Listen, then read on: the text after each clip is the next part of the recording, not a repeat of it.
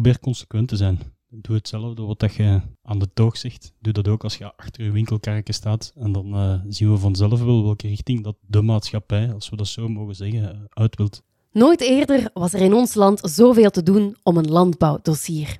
Stikstof is niet weg te slaan uit de actualiteit. En ondanks al die media-aandacht blijft het moeilijk om door het gras de weide te zien. VZW Boer en Verstand pakt uit met een unieke podcastreeks. Dit is Stikstof Uitgespit.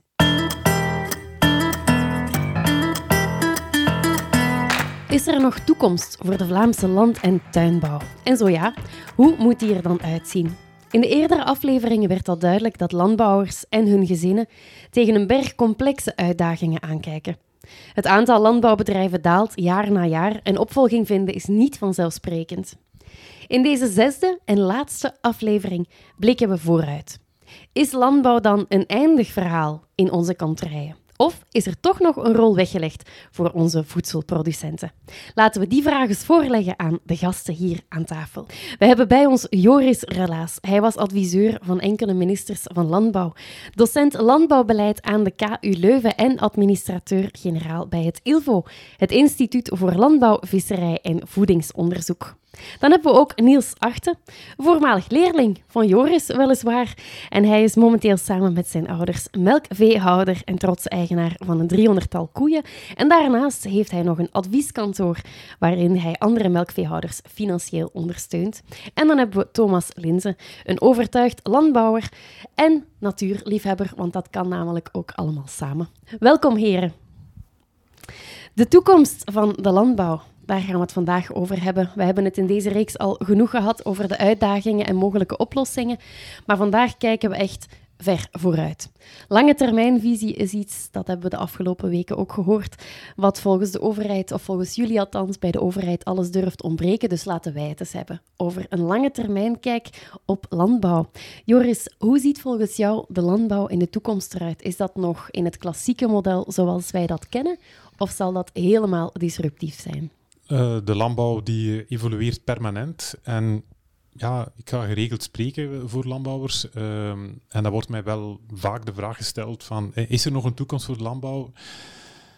En eigenlijk, die landbouw die is al vaak afgeschreven geweest in uh, Vlaanderen. Mhm. Ik ga ook al enkele jaren mee. Ik herinner me nog toen uh, Spanje en Portugal erbij gekomen zijn. Toen dacht men, ja, de tuinbouw dat is hier verloren. We gaan geen aardbeien meer kunnen telen hier, geen tomaten meer. Die mhm. gaan allemaal ingevoerd worden. Het tegendeel is waar. Wat hebben we nog gehad? We hebben de BSE-crisis gehad, de gekke koeienziekte. We dachten de rundveesector is verloren. De dioxinecrisis, mhm. dat was een enorme uh, impact. Dat had een enorme impact op de vleessector. Ook toen dachten we, ja, we mogen niet meer exporteren. Dat gaat hier eigenlijk helemaal verloren gaan. Maar we hebben van de nood een deugd gemaakt.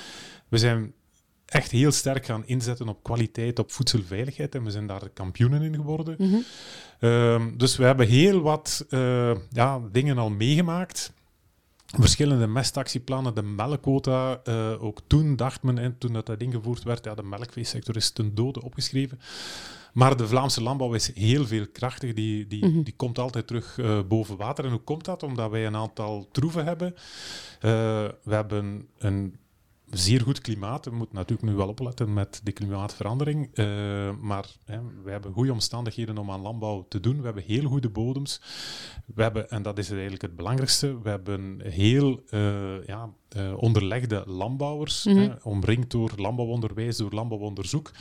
Dus de, de, de fundamenten eigenlijk van onze landbouw die zijn zeer goed. En we zijn dan nog eigenlijk gesitueerd in een omgeving met heel veel koopkrachtige consumenten in Europa. we liggen daar een beetje in het midden van. Dus ik zou zeggen, laat ons onze landbouw toch niet te rap afschrijven. Mhm. Eh, maar zoals steeds, en dat was in het verleden zo, dat is naar de toekomst ook zo, er zijn altijd heel wat uitdagingen.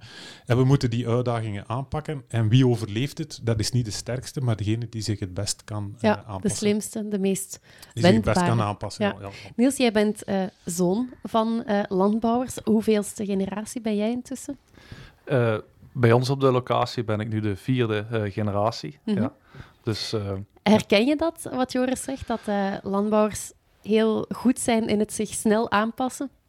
Ja, ik, mijn, ik heb het geluk dat mijn grootvader ook nog op, op het bedrijf woont. En als je bijvoorbeeld mijn grootvader zijn bedrijfsvoering zag vroeger en nu. Mhm. Dat is natuurlijk een hele ontwikkeling geweest. Wat zijn Ehm, de grootste verschillen daarin? Ehm, ik heb het idee dat, eh, als ik mijn grootvader zie, de landbouwers vroeger moesten vooral heel veel werk eh, kunnen verzetten. Hè, degene die heel veel werk kon verzetten, kon eh, in plaats van twee koeien, kon die vijf koeien melken, bij wijze Mhm. van spreken.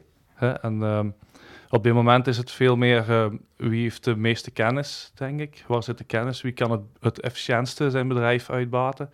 Ik denk dat daar voor heel veel melkveehouders, of voor heel veel landbouwers op zich, ik moet niet alleen voor de melkveehouderij spreken, de clue zit of het, eh, het belangrijkste element zit. Ja. Ja. Ja. Het gaat niet meer alleen over de fysieke kracht, maar ook het mentale aspect wordt alsmaar belangrijker. Ehm, Thomas, jij komt niet uit eh, een ellenlange eh, stamboom van landbouwers. Hoe ben jij er dan in terechtgekomen? Ehm, mijn vader is huisarts, maar dat was wel een boerenzoon. En ehm, mijn grootvader, dat was, ja, die, heeft, die is ook een melkveehouder geweest. En ja, die heeft bij mij altijd, ik weet niet goed waarom, maar ik heb daar altijd onwijs veel respect voor gehad. Ik heb nooit de tijd meegemaakt dat ik melkkoeien nog had, effectief, want die zijn vertrokken toen ik geboren ben. Mhm. Maar ja, ehm, hij, eh, dat was destijds ook al een grote melkveehouder. Eh, hij, is, eh, hij heeft heel vroeg is hij begonnen met, met melkvee, eigenlijk het Amerikaanse melkvee, de Holstein Friesian, naar, naar Vlaanderen te halen, weliswaar vanuit Duitsland. Maar was op zijn manier eigenlijk progressief. En ik denk dat me dat geïnspireerd heeft. Mhm. Ehm, ja, dat heeft er altijd wel in gezeten. En ik wilde altijd eh, veehouder- eh, veearts worden. Maar ja, in het eerste middelbaar hebben ze eigenlijk al vrij snel eh, duidelijk gemaakt: je hebt, je hebt geen zitvlees, eh ga iets actief doen. Dus eh, ja, ik dacht, als ik geen, geen veearts kan worden, ik wil wel met die koeien bezig zijn, dan, Ja. Dan, mag, dan mag melkveehouder. Ja, eh, biodiversiteit is iets dat ook uiteraard in deze reeks al vaak aan bod is gekomen, hè, gezien het, eh, het hele stikstofdossier. Nu, we lieten ons vertellen dat jij door eh, de landbouwers een beetje als de groene jongen van de sector wordt gezien, terwijl de echte groene jongens dan zeggen, nee, Thomas, dat is toch ook een, een, een belastende landbouwer. Waar situeer jij je ergens? Ehm, ik denk dat ik schizofreen ben. Ehm, ja, ik, eh, ik- denk dat er. Ik denk dat er veel mogelijk is. Ik denk dat er veel meer zou kunnen dan dat er op dit moment gebeurt. Ehm, en ik heb het gewoon allebei. Ik hou van een, van een hoogproductieve, efficiënte melkkoe. Ah, Ik kan ongelooflijk genieten van, eh, van een koe die dan een topprestatie neerzet. Mhm. Ehm, maar bedoel, ik kan ook eh, deze zomer eh, zat, zat voor de eerste keer zat er een uh, veldleeuwerik bij ons in het Italiaans rijgras. Eh, hoe dat, dat kan, weet ik niet, maar ehm, ja, daar geniet ik dan ook heel erg van. Dus ik denk niet dat dat nodig is om, om, om, om te kiezen. Ik denk dat we vooral moeten kijken van wat kunnen we met elkaar en eh, hoe kunnen we met elkaar verder. Dus dat, dat kunnen we zeggen misschien dat dat de eerste conclusie is eh, van deze aflevering. Dat wanneer landbouw blijft voortbestaan, dat dat echt wel samen zal moeten met natuurbeheer. Ehm, ik denk niet dat iedere boer aan natuurbeheer moet doen. Maar ik denk wel dat we eh, in Vlaanderen met veel mensen eh, die allemaal iets anders willen, op een beperkte ruimte zitten. Mhm. Ehm, en ik denk dat we rekening moeten houden met elkaar. En ik denk dat eh, de ene boer zich echt focust op productie en andere boeren misschien eh biogaat of, of eh, een stuk belevingslandbouw doet, zorgboerderij. Ik weet niet, er zijn heel veel verschillende mogelijkheden. En ik hoop vooral dat het beleid ehm, de diversiteit laat bestaan of misschien zelfs stimuleert in de toekomst. Joris, kan jij misschien eens duiden wat exact het verschil is tussen intensieve en extensieve landbouw? Ja, intensieve landbouw ehm, die gaat eigenlijk heel efficiënt om met de inputs eh, en die gaat daar eh, ja, een zo hoog mogelijke productie mee proberen te bereiken. Extensieve landbouw, en dan gaat men iets minder ja, intensief eh, te werken. Men gaat dan extensiever te werk. men gaat het op een tragere manier doen. Waardoor de productie minder lager pro- lagere productie. ehm, en, en, en ja, en wat meer eh, gecombineerd met de omgeving waarin het eh, gebeurt. Er zijn veel Mhm. definities, maar daar komt het eigenlijk eh, min of meer op neer.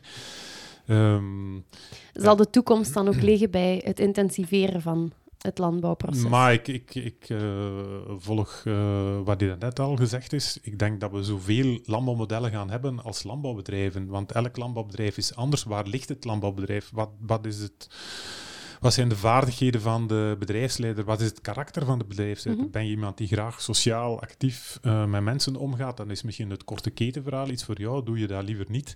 Ben je meer gepassioneerd door data, door robotica? En dan ga je misschien meer in de richting van precisielandbouw. Dus ik denk, ja, er zijn, zullen heel veel modellen zijn.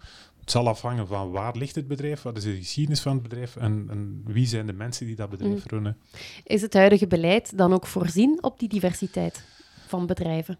Het huidige beleid doet pogingen om uh, met die diversiteit uh, om te gaan. Uh, maar waar het beleid het altijd heel moeilijk mee heeft, denk ik, dat is dat men, en, en, en, dat zie je eigenlijk meer en meer, dat, dat het beleid eigenlijk onvoldoende nog weet, ja, landbouw, wat is dat? en landbouw, ja, dat is geen sector als een andere. Hè. En, vaak denkt men dat, hè, zowel economisch als ecologisch, dat landbouw een sector is als een andere. Maar nee, er zijn een aantal wetmatigheden die bij landbouw anders zijn dan mm. in de rest van uh, de economie. En bijvoorbeeld ook op het ecologische vlak, hè, als je de vergelijking maakt met industrie, hè, daar heb je puntvervuiling hè, via de schoorsteen of mhm. via een, een, pijp naar de water lopen. Dat kun je heel goed onder controle houden. Bij landbouw is dat veel meer een diffuus gegeven. En heel grote oppervlakten die gebruikt worden, kun je minder gemakkelijk uh, vastpakken. Hè. In, in de mestproblematiek zien we dat. je kunt een, een groot gebied hebben waar 99% van de landbouwers het heel goed doen. En dan heb je een freerider die zich van niks aantrekt. Maar die doet dan alles eigenlijk wel uh, naar de knoppen voor uh, die 99 anderen. En dat is heel moeilijk om daarmee om te gaan. Ja. Langs de andere kant, ja, met landbouw zijn er veel meer risico's uh, gebonden dan in de rest van de economie. Ik zeg vaak, het zijn ondernemers, in de rest van de economie ook, maar landbouwers, dat zijn ondernemers in het kwadraat. Want daar mhm. komt nog iets extra bij kijken. Dat is de enige sector die aan de slag gaat met levend materiaal. Ja. Uh, en daar komt ook nog uh, ja, de weersomstandigheden, klimaat, mhm. ziektes van planten en dieren. Zeer onvoorspelbaar. Zeer onvoorspelbaar. Uh, ja. En dat wordt natuurlijk ook wel een, een, een, een vraagteken naar de toekomst. Waar gaan we de mensen nog vinden die in zo'n risicovol mm beroep stappen Zeker ook omdat de kapitaalsbehoeften van zo'n bedrijf ook enorm zijn toegenomen. Ja. Ja, we zitten hier dan met een hele mooie verdeling aan tafel. We hebben enerzijds Thomas die er dan toch uh, beslist uh, aan te beginnen. En dan Niels, jij het, hebt het misschien verder gezet omdat je dat altijd zo geweten hebt, van generatie op generatie. Heb je ooit getwijfeld eigenlijk? Uh, jazeker, ja. Ik heb drie jaar geleden de keuze gemaakt, hey, samen met de mensen rondom mij, om mm -hmm. toch om het bedrijf over te nemen. Maar dat was toen ook de keuze. Ik kon, ik kon ook iets anders gaan doen, uh, gaan doen in mijn leven. Maar toch, uh, men zegt wel eens ooit, het bloed kruipt waar het, uh, waar het niet gaan kan. Ja, ja, zo is het. Hè. En het zit er natuurlijk wel in als je dat graag doet. En je hebt er van oudsher ook mee. Ja. je hebt dat ritme ook mee van leven, mm -hmm. waar, je, waar je in leeft in zo'n in zo'n landbouwgezin of in zo'n in zo'n landbouwfamilie. En ja, de zondag is niet altijd de zondag en, en zaterdag is zaterdag en er moet altijd gewerkt worden. er is ook tijd voor vrije tijd, maar het is natuurlijk anders als iemand uh, die zijn vijf dagen werkt en het weekend, uh, weekend vrij heeft natuurlijk. Mm -hmm. Nu, je draagt ook een hele nalatenschap mee met de manier waarop het bedrijf altijd al werd gerund door je vader, je grootvader en de generaties daarvoor. Maar het is, denk als je in de landbouwbedrijf wilt goed doen of wilt, wilt overleven, moet je altijd degene voor jou proberen te overtreffen of het beter te doen. Om, eh, want als je één generatie hetzelfde doet als de vorige generatie, dan denk ik dat de volgende generatie ook geen kans mhm. meer heeft. Ja. En dat is eh, een beetje wat de landbouw ook moeilijker maakt, omdat het zo'n trage sector is. Ik heb dat hier nog niet gezegd, denk ik, maar als je kijkt, we doen bijvoorbeeld investeringen. We hebben een paar jaar geleden ook een nieuwe stal gebouwd. Ik ben gestart, we bouwen een nieuwe stal. Maar dat is een investering waar toch, uh, waar je zeker van bent dat je 15, 20 jaar verder bent voordat die eigenlijk pas echt terugverdiend is. Mhm. Dus in een carrière maak je ook maar één, twee keer een grote stap binnen het beleidskader wat er op dat moment is. Ja. En dat is natuurlijk heel moeilijk als een beleidskader helemaal een andere kant uit begint te gaan als dat je zelf uh, keuzes ingemaakt hebt. Ja. ja. Waar dan Niels met een nalatenschap zit, of, of anderzijds, als we het positief stellen, met voorbeelden van hoe het goed kan, is dat voor jou dan weer anders, Thomas? Ehm, ja en nee. Ehm, ik ben in het bedrijf gestapt met mijn onkel. eh, en met, hij had, een, hij had een medewerker en die is toen ook in het bedrijf gestapt samen met mij. Dus eh, we hadden wel een, of we hebben nog steeds een, eh, een vorige generatie waar we rekening mee Mhm. houden. Eh, maar het is geen bloedbond dan. Of, eh, of, of toch geen, ik, het is niet dat het een vader-zoon eh, relatie is. Ja. Eh, ik weet niet of dat dan makkelijk of moeilijk is. Dat weet ik niet.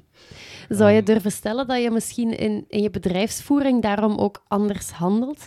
Dat je, omdat je, ik zal zeggen, bijna met een blanco blad bent kunnen beginnen, dat je het meer als een bedrijf ziet, terwijl het voor Niels misschien meer een levensstijl is, omdat je zegt dat je leeft op het ritme van het bedrijf. Ervaar jij dat Mhm. anders? Ja, ik, eh, ik heb geen wortels. Dus eh, ik kan als, ik heb dat ook al gezegd, eh, als ze het bedrijf willen hebben voor uitbreiding van industrie of natuur of weet ik veel wat, dan is het gewoon een kwestie van zorgen dat ik ergens anders opnieuw kan beginnen. Dan Mhm. begin ik ergens anders opnieuw. Dus ik ben wel ondertussen heel erg verknocht met de omgeving. Ehm, maar dat, ik heb daar geen wortels. Maar Mhm. ik ben wel echt vanuit mijn passie voor de melkkoe, voor de Holstein, ben ik eh, melkveehouder geworden. Dus wat dat je tegen mij niet kunt zeggen, dat is van eh, ga nu maar springkanen kweken. Ja. Of eh, varkens of kippen. Ik ben een melkveehouder. Ehm, en zelfs, ik heb dat wel geprobeerd met andere rassen. Maar zelfs dat werkt niet. dus eh, ja, ook ik ben vanuit passie. Ja. misschien is het voor mij, ja, ik weet niet, dat gaat natuurlijk niet voor iedere, iedere jonge landbouwer op. Maar ik denk dat het juist voor mij een heel bewuste keuze geweest is Mhm. om melkveehouder te worden, omdat het gewoon niet evident was. De, ik heb echt, het is een strijd geweest om boer te worden. En ik dacht toen van, ik heb het gemaakt. Ik kan op mijn lauweren gaan zitten, maar dat is niet waar. Want de strijd om boer te blijven, die is misschien nog groter. dan om te beginnen. Ja. ja, en het financiële aspect werd door Joris ook al aangehaald. De investeringen die nodig zijn om mee te zijn en liefst nog om voor te zijn. Niels, jij bent dan naast landbouwer ook financieel adviseur van andere eh, landbouwers. Welk advies geef jij de dag van vandaag mee? Eh, dat mensen zeker niet mogen stoppen met ondernemen. Mhm. Dat is een beetje eh, wat het, eh, zeker de laatste jaren, ehm, als sectoren, zeker van buitenuit, heel veel invloed krijgen, dan hebben je heel veel melkveehouders of heel veel ondernemers in de landbouw, denk ik, ook wel het gevoel om ergens in een hoek te gaan staan. En dat is denk ik zeker wat ze, hetgene wat ze zeker niet moeten doen, want er zijn ook kansen eh, in, eh, in een sector of op een bedrijf waar dat we vaak de melkveehouder misschien zelf niet ziet, maar dat wij wel zien. En dat proberen we in de vaart te zetten als we bij zo'n bedrijf zijn voor een gesprek. Wat zijn de kansen op uw bedrijf binnen, de, binnen het kader wat er op dit moment is? Dat is heel belangrijk, denk ik. eh, Want ondernemen kan je altijd. Ondernemen is niet gebonden aan regels. Is niet gebonden aan, eh, aan wat er eh, van buitenuit wordt opgelegd. Ja. Mhm. Je hebt met eh 300 koeien, ben jij al een heel groot bedrijf. In Vlaamse normen, toch? Ehm, hoe kijk jij dan naar de toekomst? Ga je, gaan jullie nog meer inzetten op schaalvergroting of ga je meer op kwaliteit inzetten? Waar ligt volgens jou nog nu de, de slag naar groei? Als ik, als ik op mijn, naar mijn eigen bedrijf kijk, we gaan proberen alles nog efficiënter te doen. Dat is het eerste, denk ik, waar we nog stappen in kunnen halen. En En dan, dat betekent ook technologie inzetten dan? Eh, technologie, dus we hebben in melkrobots geïnvesteerd bijvoorbeeld. We hebben in heel veel sensordata geïnvesteerd, dat we meer weten van onze koeien, zodat wij eerder een zieke koe kunnen opsporen bijvoorbeeld. Allee, dat we dingen voor zijn, dat we minder verliezen hebben op, de, Mhm. op het bedrijf. Ehm, en wat ook heel erg eh, nu aan het spelen is bijvoorbeeld, ehm, vanuit, onze, vanuit de afnemers van de melk bij ons bijvoorbeeld, die gaan nu ook... eh, eh, een deel van het melkgeld, dus het geld wat wij ontvangen, gaan zij bijvoorbeeld uitbetalen op een klimaatcheck die zij eh, maken. En er zijn verschillende melkvee, melk- of zuivelverwerkers mee bezig, van toch een gedeelte van de uitbetaling te gaan koppelen aan de efficiëntie van een bedrijf, hoe efficiënt gaat het met hulpbronnen om, met input naar output toe. Dus iemand dus- die goed mee is met de regels, zou meer kunnen verdienen voor dezelfde melk Bij- als iemand die wat, blijft, die wat bepaald- achterblijft. Bij bepaalde melkerijen of bepaalde zuivelondernemingen wel. Mhm. Eh, en wat gaan we als bedrijf nou doen? We gaan bijvoorbeeld ook eh, eh, zelf groene energie gaan produceren. Die dingen gaan we toch in verder ondernemen om, om proberen het inkomen te verhogen. Hè? Ja. Mhm. Als we het dan hebben over technologie uh, in beleid, Joris. Dan, we hebben in, in aflevering 3 hadden we het over mogelijke oplossingen. En daar werd aangehaald dat er eigenlijk op technologisch vlak nog veel meer zou kunnen, maar dat het, het kader daarvoor ontbreekt. Wordt er dan toch een zekere rem gezet op de toekomst van landbouw? Um, op dit moment zijn er een aantal hinderpalen om een aantal nieuwe technieken um, eigenlijk goed te keuren, mm -hmm. maar er wordt wel aan gewerkt. En welke uh, zijn die hinderpalen? Ja, de, bepaalde technieken in het kader van het pasverhaal, het stikstofverhaal, die moeten ja. uh, door een wetenschappelijk comité worden uh, goedgekeurd. Dat wetenschappelijk comité dat is er met vertraging gekomen. Um, en, en dat is soms een probleem, hè, dat, dat de landbouw soms al sneller gaan dan het beleid.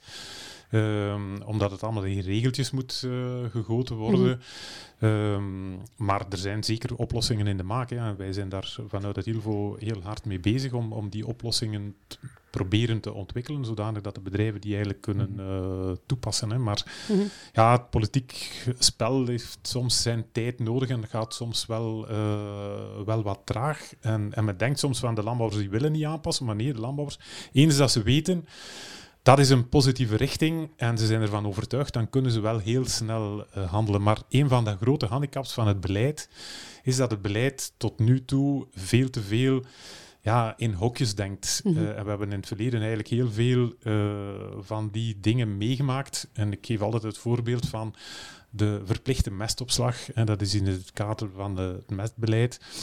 Dat Europa eerst zei tegen de landbouwers, jullie moeten drie maanden mest opslaan omdat men wilde vermijden dat die mest werd uitgevoerd in periodes dat dat niet goed is, mm -hmm. in de winterperiode. En na een tijdje zei men, nee, nee, het moeten zes maanden zijn. En na een, nog wat uh, later, dan zei men, nee, het moeten negen maanden zijn. Dus maar als je met die landbouwers praat, ja, altijd een nieuwe investering. Niels heeft het al gezegd, we doen niet elke dag een investering. Mm -hmm. Maar wat komt er nu plotseling uit de lucht gevallen? het klimaatprobleem. En wat moet je nu eigenlijk niet doen uh, vanuit een klimaatperspectief? Dat is die mest heel lang opslaan, want dan krijg je weer methaan. In plaats van, eh, eerst ging het over stikstof, dan ging het over methaan. Dus, en men slaat dat ook eigenlijk allemaal een beetje mm -hmm, door elkaar. Ja. Het klimaatprobleem, het stikstofprobleem. En omdat er in het beleid eigenlijk altijd maar minder mensen zijn die echt goed op de hoogte zijn van uh, alles wat met landbouw te maken heeft, ja, uh, vergeet men dat, dat soms. En, en, en dat is toch wel een probleem. Die kennis over landbouw, uh, dat terug uh, echt binnen het beleid binnenbrengen, denk ik, is heel belangrijk. Het aantal landbouwers vermindert. en dan, dan daardoor zie je ja, dat het beleid toch wel iets te weinig zo'n een heel algemene kijk heeft over landbouw. Dus ik vind eigenlijk dat is mijn persoonlijke mening, dat we de landbouwers eigenlijk veel meer zelf verantwoordelijkheid uh, mm -hmm. moeten geven, dat zij het kunnen oplossen op hun manier, dat we gewoon een aantal doelstellingen uh, stellen, in plaats van wat we nu doen vanuit het beleid, hè, tot in het aller, aller, aller kleinste detail zeggen, dit moet gebeuren en dat moet gebeuren. Maar dat kun je niet. Er zijn zoveel verschillende soorten bedrijven, zoveel verschillende soorten gronden, het weer ja, het, het, ene jaar is het andere niet. Laat dat veel meer over aan de landbouwers. Ja, dus een, een, tweede conclusie voor de toekomst zou kunnen zijn minder strikte regels en meer vrijheden en zelfregulering. Ja, ja maar we niet wil mee zeggen hè, dat op vlak van uh, natuur, uh, klimaat en zo verder, hè, dat we alles moeten versoepelen. Maar laat het veel meer over aan de landbouwers om zelf ja. oplossingen te zoeken. Dat gaat ook het ondernemerschap nog wat aanscherpen. Mm -hmm. Ja, en zal helpen om snelheid te maken. Ja. Ook. Thomas, jij bent dan uh, ook met hele grote investeringen gestart. Neem ik aan, wat is jouw kijk op de toekomst? Of, of welke richting wil jij uit met het bedrijf, Peter? Um, ja, wij, ons jongvee, dat, is eigenlijk, dat zal waarschijnlijk niet meer lukken zoals het er nu uitziet, maar ons jong, jongvee dat staat op een, uh, op een andere locatie. Mm -hmm. Het was altijd de bedoeling om die nog eens tot bij ons te krijgen, maar dan, dat is eigenlijk, in mijn ogen is dat geen groei, maar als je gaat kijken bij ons op het adres, bij ons op locatie, als, als, als piekbelaster, zal ik maar zeggen, stijgt, uh, onze, onze stikstofuitstoot wel. Dus ik weet niet of dat uh, haalbaar is, maar dat was nog een grote investering die altijd in mijn achterhoofd gezeten heeft. Um, maar als boer, als, als, uh, als richting die we als bedrijf uit willen gaan, denk ik dat we verder gaan zoals we al een aantal jaren bezig zijn en niet focussen op, op, op, op, op koeien, wel op de koe, maar niet op, op het aantal koeien of op de buurman of op, op weet ik veel wat. Maar Mhm. eh, probeer je gewoon alles net iets beter te doen dan de dag ervoor. En ehm, ja, dat heeft eigenlijk, eh, voorlopig heeft dat eigenlijk al goed gewerkt. En ik denk dat er nog heel veel marge is om, eh, om, om te optimaliseren binnen de, voor ons bedrijf. Ik denk dat dat voor heel veel collega's geldt. Dat ehm, het is, ik denk dat, dat eh, het vakmanschap groter wordt als, eh, als, als de, de groeimogelijkheden kleiner worden. Ehm, en dan bedoel ik niet dat, dat eh, het managen van grote veestapels en dergelijke, ja, als je niet groter kunt worden, dan, dan wordt dat niet getriggerd, kun je dat niet ontwikkelen. Maar ik bedoel echt het vakmanschap van wat mankeert die koe, wat komen de koeien tekort, kunnen ze nog, kunnen ze, ik bedoel, kunnen ze sneller drachtig worden, eh, kunnen ze een beetje meer melk geven, Eh, dat soort dingen. Ik Mhm. denk dat dat, dat dat nu eigenlijk een, een boost krijgt op veel plaatsen, zonder dat we het zelf in de gaten hebben. Maar als ik zie wat dat bij ons de koeien eh, meer zijn gaan geven de laatste jaren, en ik hoor dat ook bij collega's, ik denk ook dat dat komt doordat de groeimogelijkheden beperkt zijn. Ja, dat je inventiever moet worden of, of op andere manieren moet gaan nadenken over efficiëntie. Ja, je, je, wil- je wilt je, je creativiteit of je ambities of je enthousiasme of je energie, die wilt je, die wilt je kwijt. En als Mhm. dat niet kan in je grootste plannen, dan doe je dat in hetgene wat dat wel kan. En dat is in, on- ah, in mijn geval, en in Ja. uw geval is dat de koe. Eh, ja, ik, ah, ik, ik zie dat gewoon bij ons en ook wel bij andere collega's. Mhm. Maar ik denk dat er een aantal heel interessante ontwikkelingen op stapel staan. Vooral eh, alles wat met data te maken heeft en artificiële intelligentie. Eh, en dat klinkt misschien zoiets futuristisch en misschien niet echt voor de landbouw, maar nee, dat kun je in de landbouwsector ook enorm eh, gebruiken. We hebben eh, heel veel sensoren, we verzamelen heel wat data en met artificiële intelligentie kunnen we eh, zoals Thomas zegt, eh, nog heel veel eh, vooruitgang boeken, denk ik. En soms is dat nu nog een beetje te duur, maar hè, dat, we hebben dat ook gezien met eh, gsm's en zo verder. In het begin was het ook allemaal te duur en te moeilijk en zo verder, maar dat gaat heel snel. Mhm. En in het onderzoek zitten we daar ook eh, hard aan te werken. Dus ik, ik verwacht heel wat mogelijkheden om eigenlijk op die manier ook duurzamer te kunnen werken op een efficiënte manier die toch niet te duur wordt. Ja, dus een derde conclusie is, heel veel eh soelaas zit ook in technologie. En daar moeten we even wachten tot dat allemaal eh, Ja, zich ja, voldoende ontwikkelt. Mhm. Mhm. We hebben het dan gehad over eh, intensieve versus extensieve landbouw, waarbij het natuurlijk evident is dat je als bedrijfsleider zo productief en efficiënt mogelijk wil zijn, want dat betekent ook Hmm. een betere rendabiliteit, maar dat betekent ook een hogere stikstofproductie, eh, in het geval van, eh, van veeproductie dan. Moeten we toch beginnen kijken als we het stikstofgehalte naar beneden willen halen in bepaalde regio's, om daar in plaats van intensiever te gaan, net extensiever Mhm.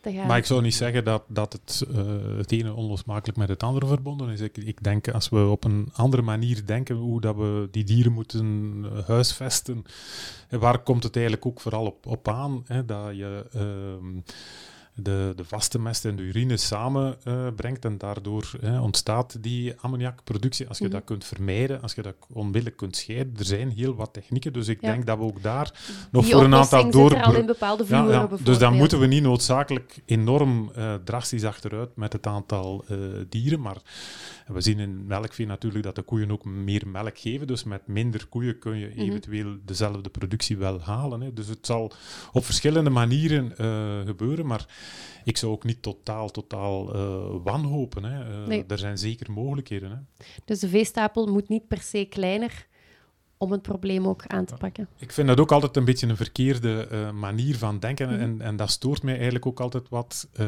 dat alleen naar de landbouwsector toe gezegd wordt. Je moet het aantal dieren, je moet je productiemiddelen verminderen. En ik heb al heel vaak de vergelijking gemaakt met ArcelorMittal hè, in, in, in Gent. Mhm. Ehm, en die stoten meer eh, CO2 uit dan de ganse landbouwsector. En er is niemand van de beleidsmaker die zegt tegen ArcelorMittal, want zo zou je het probleem ook kunnen oplossen, we gaan de staalproductie met de helft verminderen. Mhm. ja, dan, dan, dan stoten ze ook minder uit. Ik vind dat je dat niet a priori mag zeggen tegen de landbouwsector, je moet het aantal dieren verminderen. Misschien zullen er wel minder dieren zijn. Hè? En, en, en, en in de varkenssector bijvoorbeeld hè, gaat het ook niet altijd even gemakkelijk op het economische vlak. Ehm, maar het zullen de landbouwers zelf zijn die beslissen, we doen het met minder dieren en uh, de efficiëntie die we al realiseren in de melkveesector. Ja, je kunt misschien evenveel produceren met uh, minder dieren, maar laat dat dan die landbouwers over en mm zeg dat niet zelf vanuit het beleid. Nee. In wiens handen ligt jullie lot dan? Is dat bij de beleidsmakers? Is dat bij de consument die bewuster moet aankopen? Is dat de economie? Niels, waar heb je het gevoel dat jouw lot ligt? Dat is, dat is een heel moeilijke vraag. Op, op dit moment heb je het gevoel, de beleidmakers die uh, maken de regels zo streng dat, we, dat het kader te klein wordt om binnen te ondernemen. Maar ik denk op langere termijn dat toch de consument is die, uh, die ons, uh, ons vergoedt en ons, be ons betaalt en bepaalt hoe dat onze melk of onze voeding geproduceerd zal worden, denk ik. Maar het is natuurlijk... Allee. Mm -hmm. Thomas, jij? Ja, um, ik zou hier twee jaar geleden een ander antwoord gegeven hebben, maar uh, het is een feit dat uh, de overheid, of de, ja, de overheid en de consument uh, beide een veel impact hebben. Maar ik denk niet dat. ik denk eigenlijk dat ik zelf de belangrijkste factor ben. Want um,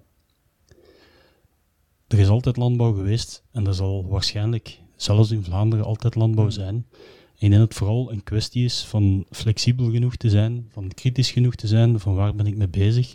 Proberen te anticiperen op mogelijkheden en niet meteen in een, uh, in een conservatieve schrikreflex uh, te reageren. Ik denk als je als, als boer, als ondernemer, um, ja, ja, u daarvan bewust bent, dan denk ik dat er wel, dat er wel toekomst is. Maar ik kan niet zeggen hoe dat die eruit gaat zien. Dat, nee. dat weet ik natuurlijk Konden we dat maar. Ja. ja. Niels, om uh, af te ronden, hoe zie jij de evolutie van jouw landbouwbedrijf? Uh, ja, op zich, we hebben nu eigenlijk uh, net voor alles van stikstof kwam, hebben we een, een grote stap nog gemaakt. Dus allee, mijn toekomst zegt eigenlijk de volgende 15 jaar redelijk vast in het optimaliseren van het, van het bedrijf, van uitbaten van het bedrijf. Mm -hmm. um, maar ik zie ook langs de andere kant mensen die eigenlijk aan het begin van hun, hun carrière staan en toch wel een moeilijke beslissing moeten nemen of ze het doen of, of niet doen. Ja. Um, dus dat stoort, het... dat, dat stoort mij wel in het huidige beleid.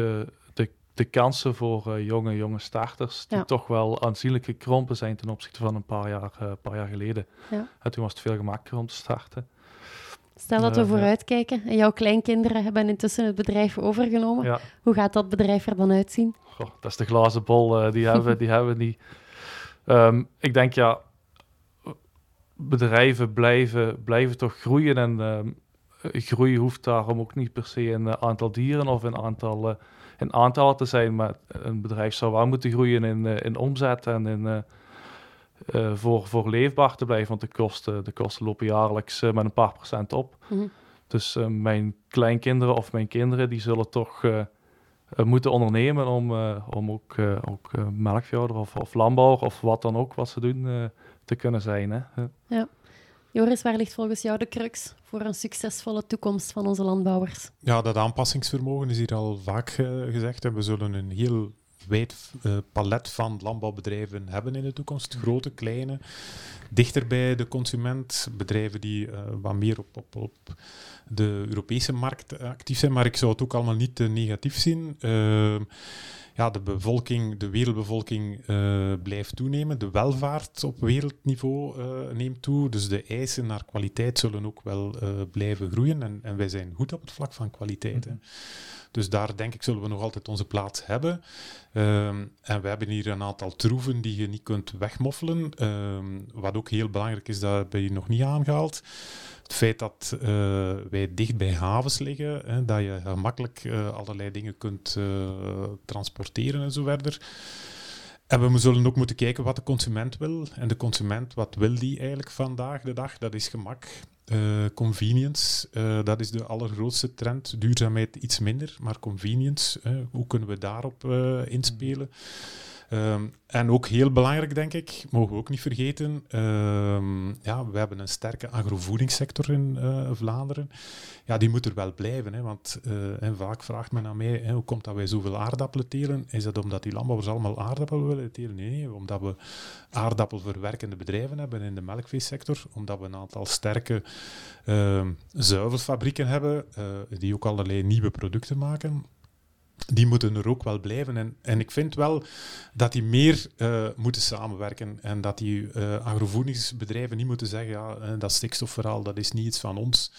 Wij zitten bij industrie, hè, laat het maar aan de landbouwer -hmm. over. En die moeten meer bondgenoot gaan worden. Dus die samenwerking in de keten vind ik wel ja. ook iets belangrijk naar de toekomst toe. Dus er ligt nog een win in het hele ecosysteem om en rond ja, het landbouwgebeuren. En, en, en wat meer waardering, wat meer respect voor die landbouwers. En niet landbouwers als de boemannen. Uh, ja. Dat vind ik wel dat dat uh, wel belangrijk is. Mm. Thomas, heb jij nog een laatste woord voor de consument? Om de publieke opinie nog een beetje op je hand te zetten? Dit is ja, de kans. Ik, ja, ik heb ooit gezegd, uh, koeien die houden niet van one-liners. Dus ik denk gewoon, um, probeer consequent te zijn. Doe hetzelfde wat dat je aan de toog zegt, doe dat ook als je achter je winkelkarken staat. En dan uh, zien we vanzelf wel welke richting dat de maatschappij, als we dat zo mogen zeggen, uit wilt. Ja. Of wilt dat wij uitgaan. Lijkt me Lijkt me goed advies. En dan zullen we binnen een jaar of dertig deze aflevering nog eens overdoen en kijken of we gelijk hadden. Wat denk je daarvan? Nou, dan ben ik al bijna 90 jaar. Hè. Pas op, met de technologieën uh, tegen dan, dan uh, nog fris als een hoentje. Heren, heel erg bedankt voor jullie bijdrage en uh, fijn dat jij alweer hebt geluisterd. Eet smakelijk en eet lokaal.